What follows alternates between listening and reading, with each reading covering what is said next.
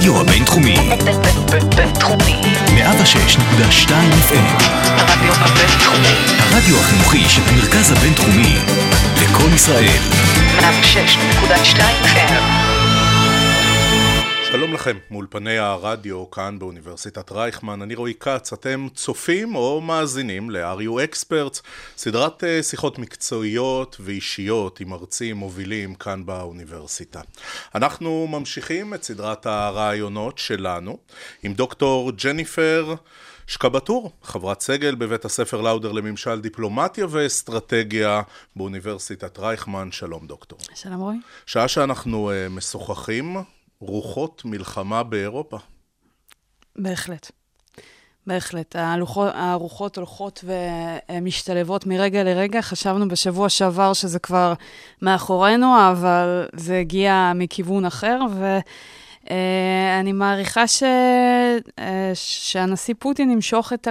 את הקו הזה כמה שהוא יכול, בלי, בלי להיכנס. אני לא, אה, לא חושבת שתהיה שם פלישה, אבל לשלהב עוד ועוד את הרוחות ולחמם את הגזרה של הרפובליקות העצמאיות, דונצק ולוגנסק, אני חושבת שזה בהחלט אה, צפוי לקרות, ואנחנו כבר רואים את זה. אה, כשרוסיה אמרה שאוקראינה למעשה תקפה, ולא ברור מי תקף, אוקראינה תוקפת, ש... טוענת שהרפובליקות האלה שיזמו את המתקפה. אבל אה, אה, זה בהחלט אה, זירה שתלך ותתחמם, להערכתי, בלי פלישה פורמלית. דוקטור אה, שקבטור, שאלת מיליון הרובל, מה פוטין רוצה? פוטין רוצה שיכירו אה, בהשפעה שלו במדינות ברית המועצות לשעבר. מבחינתו הוא אימפריה אזורית, הוא לא מוכן שארצות הברית או נאט"ו או אירופה או כל אחד אחר יתערב לו במגרש הביתי שלו. ולזה הוא חותר, הוא לא רוצה להילחם, הוא רוצה את אוקראינה ממושמעת וכנועה וקרובה אליו, אה, ולשם כך הוא הפעיל את כל האמצעים שהוא יכול, אה, וגם בדרך הזו הוא מתקרב לסין. כי למעשה הוא פותח את, ה, אה, את, את הפרדיגמה של הגמוניה האמריקאית, של רעיון שארצות הברית היא קובעת את הטון. הוא אומר, לא, פה אני קובע את הטון, וזה לא משנה שאוקראינה רוצה אה, או לא רוצה להיכנס לנאט"ו, או להתחבר לאירופה, זה לא משנה. וכמובן, גם לסין זה דבר שהוא מאוד אטרקטיבי, שלא ארצות הברית תקבע מה יהיה בטיוואן או בהונג קונג. אז כאן הוא גם... אה, עוזר לעצמו בזה שהוא מנסה את המגרש הביתי שלו אה, להגן מפני כל מעורבות זרה, וגם מחמם את היחסים עם סין, שזה אינטרס אסטרטגי אה, בעדיפות מאוד גבוהה של רוסיה. אחד הדברים המפתיעים בעימות הזה, זה שבאמת רב הנסתר על הנגלה. עכשיו, mm-hmm. אתה אומר לעצמך, בתקופה של אה, מדיה מודרנית, אה, של אה, אמצעי מודיעין מאוד מאוד מפותחים, גם פוטין הוא מנהיג ותיק, כן? Mm-hmm. הוא לא זה מקרוב בא, ובכל זאת, כל כך הרבה גורמים, גם מדינתיים, מכוני מחקר, אקדמיה, צבא, מודיעין, כולם שוברים את הראש מה האיש הזה רוצה, הוא עדיין אניגמה. אכן כך. בין היתר כי המדיה ב- ברוסיה היא מאוד סגורה. כלומר, עדיין אנחנו מקבלים חדשות שהן מסוננות ברמה מסוימת, וגם יש לו הרבה מאוד תמרון לפעולה, אה, בגלל הגבול עם אוקראינה, שהוא כל כך פתוח, ויש שם את הרפובליקות שרוצות להיות עצמאיות, ובקלילות הוא יכול להכניס משם נשק ו- וכל מה שצריך. אה, גם בלרוס כמובן, כלומר, זה באמת המגרש הביתי שלו מבחינתו. ומאוד גם קשה באמת להאמין למידע שיוצא משם, כי חלק מהמדיניות הרוסית זה כמובן אה, לאו דווקא צנזורה, אלא הוא עושה קונטרה, כלומר, כלומר, זה מתקפות של בוטים, זה מתקפות של אה, בלוגרים שכותבים דברים הפוכים למה שקורה, ואז זה מייצר איזושהי מציאות מדומה שאנחנו לא יודעים באמת מה קורה שם. מרוב קולות שמדברים בשפות שונות ובכיוונים שונים. זה אחד ה... כנראה הישגים, אולי לא אה, משהו שככה, לא הישגים נחמדים, אבל הישג, הישג מאוד משמעותי שלו, שהוא הצליח להביא את המדיה ל, למקום של fake news אמיתי, כן? כלומר, ה fake news האולטימטיבי. עכשיו, ההישג של פוטין מאיר ומעצים את החולשה של הבית הלבן. בשבועות האחרונים אה, ביידן נראה mm-hmm. מבולבל יותר ויותר, התבטאות אחת ואז התבטאות אחרת, כן. והנה הוא חוזר בו, אה, ונדמה שמעולם שראינו אחרי קריסת הקומוניזם בעצם mm-hmm. של מעצמה אחת, אז אם אנחנו מכניסים גם את הסינים mm-hmm. וגם את הרוסים, מי שבהכרח אה, נחלש mm-hmm. זה הדוד סם. בדיוק. ואני חושבת שזה בדיוק המטרה של פוטין בגדול. כלומר, זה, זה בדיוק מה שהוא רוצה להשיג. ולבית הלבן, להערכתי, פשוט... אין להם עניין אמיתי שם. על מה הם יאבקו? על אוקראינה, שהיא למעשה תמיד הייתה חלק מרוסיה. מה, מה המאבק שלהם? אבל הייתה זאת אה, אוקראינה שוויתרה על הנכסים הגרעיניים שלה כן. אחרי אה, קריסת הקומוניזם, בעצם בתמורה ל... הסכם הגנה מהאמריקאים. Mm-hmm. ראינו שבאירועי קרים זה היה שווה מעט מאוד, עכשיו okay. אוקיי. זה שווה פחות, ואז בנות ברית של ארצות הברית, יכול להיות טיוואן, יכול להיות ישראל, יש פה סיבות לדאגה. בהחלט, בהחלט. אנחנו רואים שארצות הברית, וזה גם חלק אולי מהמדיניות עוד של דונלד טראמפ, שהכריז על זה America First, היא לא רוצה להיות מעורבת איפה שהיא לא חייבת להיות מעורבת. אפשר להבין אותם, אבל לוואקום הזה נכנסים כוחות חדשים, וזה מה שאנחנו רואים פה בקונפליקט הזה של אוקראינה. בהערכה מקצועית שלך, אם דונלד טראמפ היה יושב היום בבית הלבן, פוטין היה מתנהל באותה הצורה? אה, היה מנסה. אולי התגובה הייתה שונה, אבל... אה, או ש-it takes one to know one, ואת יודעת, כשהבריונים מצד אחד כן. מהקרמלין ומהבית הלבן פגשו אחד את השני, היה שם איזה סטטוס קוו. יכול להיות. בהחלט יכול להיות. קשה לומר, זה בהחלט היה צירוף של נסיבות שהוא חיכה לו תקופה מאוד ארוכה בשביל המהלך הזה.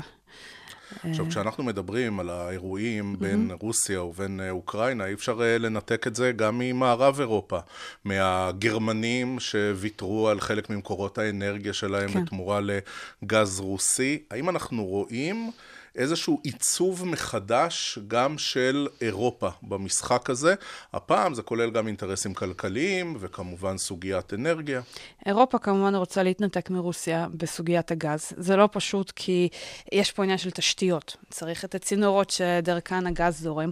זה גם מלכתחילה היה אחד ממקורות הסכסוך של רוסיה באוקראינה, כי הצינורות זרמו, הלכו דרך אוקראינה, אה, ורוסיה מצאה לזה כל מיני אלטרנטיבות. אה, אירופה בהחלט רוצה להתנתק. לא בטוח שהיא רוצה לשלם את המחיר. כלומר, חלק מהתגובה המאוד ככה אה, חלשה למה שקורה, זה, זה התלות בגז הרוסי, ואין להם נכון לעכשיו אלטרנטיבה אמיתית. אבל התלות בגז הרוסי, גם כחלק מההחלטה, נקרא לזה אידיאולוגית ערכית, ללכת mm-hmm. למקורות אנרגיה ירוקים יותר. ואז אתה מוותר, כמו גרמניה, על אנרגיה גרעינית, ואתה מנסה לעבוד כמה שפחות על אנרגיה של תחנות כוח פחמיות. אז כשיש שמש ורוח, זו חגיגה. כשאין, אתה בעיה. בעצם עם בעיה גדולה, וכשאנחנו mm-hmm. רואים רוחות פרוגרסיביות שנושבות בכל העולם, גם מהבית mm-hmm. הלבן, גם ראינו את הוועידה האחרונה בגלסגו, פתאום אתה אומר, רגע, כשזה נתקל בקרקע המציאות mm-hmm. ובחורף אה, בעייתי באירופה ובדמות כמו פוטין, אז נחמד כוונות ירוקות ואנרגיה ירוקה, וזה לא עומד מול המציאות. אכן כך, אה, זה פשוט דורש זמן. ונכון לעכשיו, זה, זה לא יכול, זה פשוט לא יכול לספק את הצרכים שלהם. אז uh, זה משהו שהוא ככה נחמד לחשוב עליו ולהתחייב עליו, אבל בדיוק מה שאתה אומר, במבחן המציאות, בסופו של דבר הם זקוקים לזה, ובגלל שזה עניין של תשתיות, זה לוקח הרבה זמן להחליף את זה. Uh, וגם עכשיו, המחיר של הנפט והגז uh, שוב עלה. וזה תמיד משפיע מאוד לא טובה על הכלכלה הרוסית. למעשה, התקציב הרוסי מושפע אה, בצורה מושלמת ממחירי הגז והנפט, ו, אה, והם משחקים גם על זה, כמובן. יכול להיות שזה הכל משחק כלכלי, ושספקולנטים שהם מקורבים לקרמלין, אה, הרוויחו לא מעט בשבועות האחרונים. ללא ספק. Uh, זה תמיד חלק מהסיפור בקרמלין, גם המעורבות שלהם בסוריה. Uh, בסוף היה שם עניין של שדות נפט שהם קיבלו שליטה עליהם. תמיד יש את המרכיב הכלכלי, אבל אני חושבת שדווקא פה זה יותר העניין הסימבולי הזה של סופית להוציא את ארצות הברית מהמשוואה באזור. דוקטור אה, שקבטור, מה צריכה ישראל לעשות? אמ, את יודעת, אנחנו קרובים לנושא גם מפני mm-hmm. שבישראל יש אה, לא מעט אה, יוצאי חבר העמים, גם מרוסיה, גם מאוקראינה, גם ממדינות אחרות, ובכלל, בכל העניינים mm-hmm. האלה יש לנו קצת נטייה להידחף. השאלה אם אנחנו צריכים לשבת אה, בשקט, ובשום פנים ואופן לא לקחת צד, או שיש פה משהו שהוא גם ערכי ולטווח ארוך וביחס האמריקאי וצריך לשמוע אותנו. אה, אני חושבת שהאמת, אין פה איזשהו מקום לישראל להתבטא, כי להיות לטובתה של רוסיה זה באמת פוגע בכל תחושת צדק בסיסית.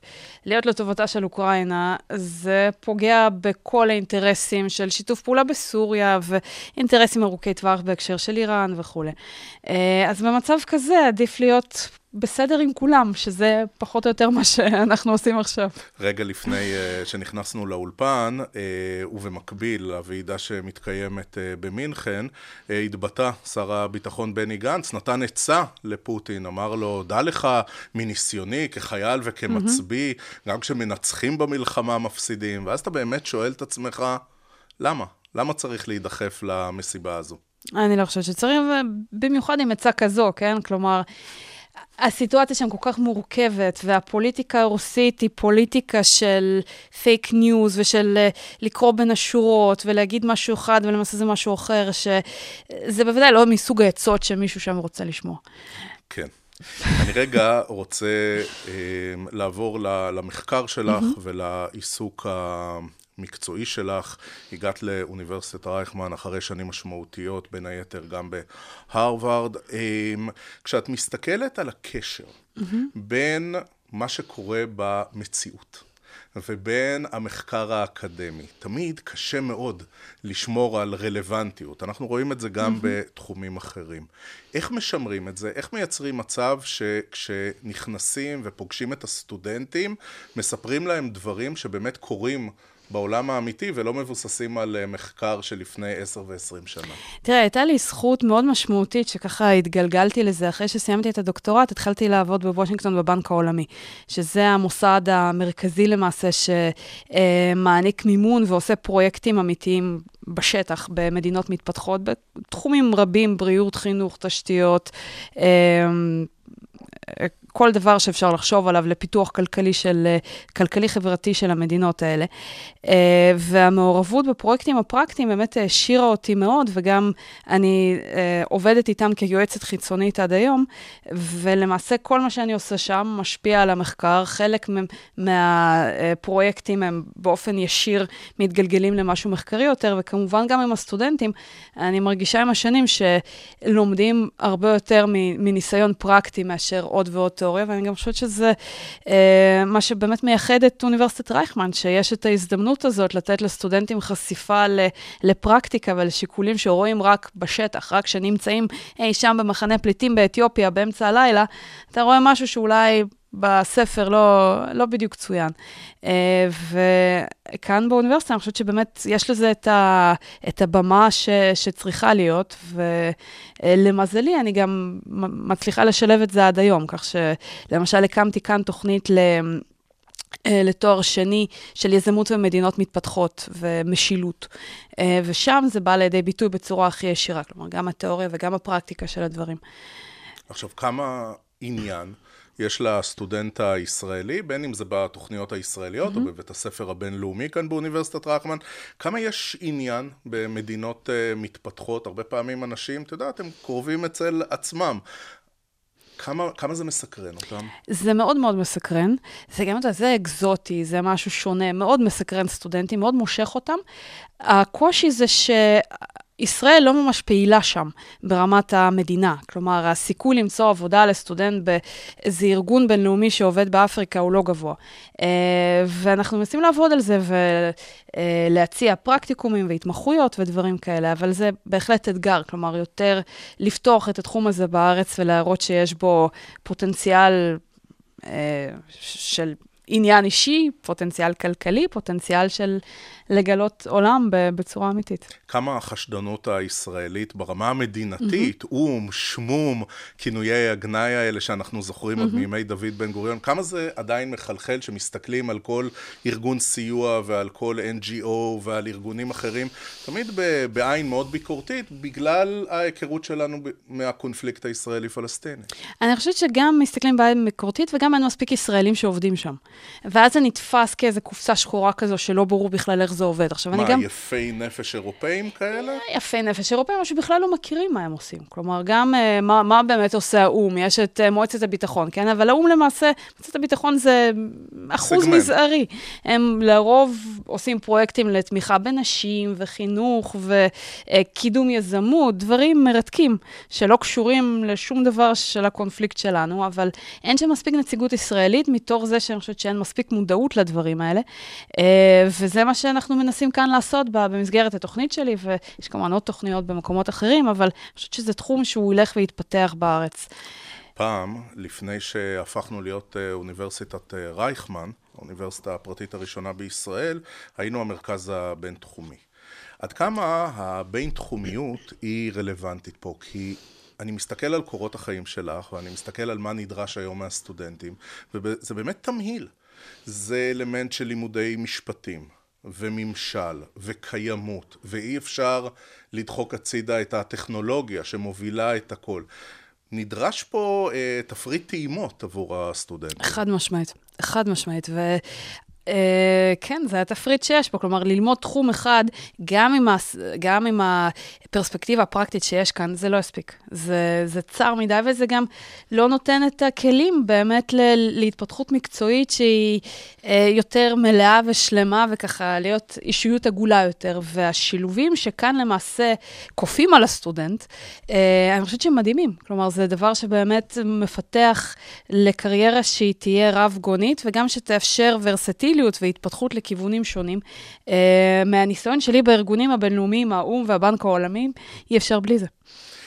אני חוזר לוועידת האקלים בגלסגו, שם uh, בנאום של ראש הממשלה בנט, הוא אמר, אנחנו מדינה קטנה, אבל מה שיש לנו להציע לכם זה את החדשנות שלנו ואת יכולת ההובלה הטכנולוגית. כשאנחנו מדברים על מדינות uh, מתפתחות, uh, גם אפריקה, גם יבשות אחרות, יכול להיות שאת הישראלים כדאי להכיר פחות מסוגיות של מכירת אמצעי לחימה או ידע צבאי, ובאמת יותר הייטק, זה גם טוב לדימוי שלנו. בהחלט, ואני חושבת שזה כבר מתחיל. כמובן, יש עוד הרבה מאוד דברים שאפשר לעשות, וגם הטכנולוגיות בשביל אפריקה כמובן צריכות להיות שונות ממה שאנחנו מציעים לארצות הברית ולמערב אירופה, אבל יש לא מעט סטארט-אפים ישראלים שעוסקים בזה, והרבה מאוד טכנולוגיות שבאמת עונים על צרכים של חקלאים ש, שבאמת יכולים להקפיץ אותם קדימה. זה עניין של לגשת לזה בצורה נכונה ולבנות את זה נכון, ולא פשוט, זה שווקים שקשה לעבוד בהם עם הרבה מאוד סיכון, אבל המון המון עניין וסיפוק. Uh, ואני מקווה שהסטודנטים שלנו יחשבו על הכיוונים האלה. אחד הדברים שתמיד אומרים עלינו הישראלים, במיוחד בעבודות ייעוץ, זה שמגיעים mm-hmm. וחושבים שיודעים הכל, ומתחילים ללמד את כולם איך עושים את זה נכון. באמת צריך לבוא עם איזו מידה של צניעות. הרבה פעמים מדינות עם תרבויות מאוד מאוד שונות, עם mm-hmm. פערי דת. אתה גם לא רוצה להצטייר כ... סליחה על היעדר הפוליטיקלי קורקט, אבל כקולוניאליסט לבן שבא ללמד את הילידים. כן. זה, זה בהחלט uh, משהו שרואים לפעמים אצל ישראלים, uh, שמגיעים ל, למדינות הרלוונטיות, אבל uh, זה חלק, אגב, ממה ש... גם, אתה יודע, זה תהליך למידה מסוים. כלומר, להבין שבאים קודם כל לשמוע. קודם כל להבין מה הבעיה. וזה משהו שאת הסטודנטים שלי אני מלמדת, וזה מדהים עד כמה זה לא מובן מאליו, כי לרוב גם אנשים שיש להם איזשהו רעיון, הם אה, בתוך הרעיון, אבל תקשיב לצד השני, תבין את הבעיה, ואז תפתח את הסיפור. אבל זה כל העניין של פשוט ניסיון. ניסיון ללמוד את זה, לנסות את זה שוב ושוב, ואז זה עובד. אנחנו מתקרבים לסוף השיחה שלנו, ולנו יש שאלון שאנחנו שואלים כל אחת ואחד. מה מייחד אותך כמרצה? אני חושבת שמה שדיברנו עליו, השילוב בין התיאוריה לפרקטיקה, אני מרגישה שזה תורם מאוד לקורס, לסטודנטים, להבנה, למה שאני יכולה לתרום. אני מרגישה שתיאוריה זה דבר שבגדול אפשר לקרוא לבד בבית. הטאץ' הפרקטי, זה, זה מה שנותן לסטודנטים את ערך המוסף, ואני חושבת שזה מה שמייחד את כל האוניברסיטה שלנו. דוקטור שקה בטור, המקום האהוב עלייך בקמפוס? אני מאוד אוהבת את הרחבה של רדזינר. היא שוקקת חיים, תמיד יש שם פעילות, יש סטודנטים, חיי קמפוס אמיתיים שם. הלב הפועם. בדיוק. של הקמפוס. מודל שלך להשראה? אבא שלי, למדתי ממנו הכל. ספרי קצת יותר. אה, דחף למצוינות, תמך. אה, כשהייתה דחיפה למצוינות, דחף לעוד, אה, לשילוב, בדיוק לעניין הזה של הוורסטיליות, של אה, להיות בכמה עולמות ולשלב אותם, הבין-תחומיות. אני חושבת שזה גם, אגב, מאוד כמובן מאפיין את האוניברסיטה שלנו, אבל הרעיון הזה של לא להתמקד במשהו אחד, אלא לראות בצורה יותר רחבה את הדברים, זה דבר שליווה אותי לאורך השנים. הרגע הכי משמח בחיים? שניים, כשהילדים שלי נולדו. ש- שני ילדים. זו כמעט התשובה האוטומטית והמתבקשת מאוד למי שהוא הורה. אז רגע נחריג את uh, הילדים. Um, מעבר לילדים, זה כנראה הרבה רגעים ש- שמשתלבים, אתה יודע, אין לי איזה משהו אחד לשים עליו את האצבע. דוקטור, אם לא היית uh, מרצה כאן באוניברסיטה, מה היית עושה? כנראה הייתי באיזה ארגון סיוע אי שם בקו האש של רוסיה-אוקראינה. אלה מקומות uh, מסוכנים בתקופה הזו. אבל מרתקים, מספקים. דוקטור uh, ג'ניפר שקבטור, חברת סגל בבית הספר לאודר לממשל דיפלומטיה ואסטרטגיה באוניברסיטת רייכמן. תודה רבה על הרעיון. תודה רבה. זה היה מעניין מאוד, דוקטור. תודה רבה לך. אנחנו uh, מסכמים את הפרק הזה של RU Experts מול פני הרדיו, כאן באוניברסיטת רייכמן. תודה שהייתם איתנו, אני רועי כץ, ואנחנו נתראה בפעם הבאה.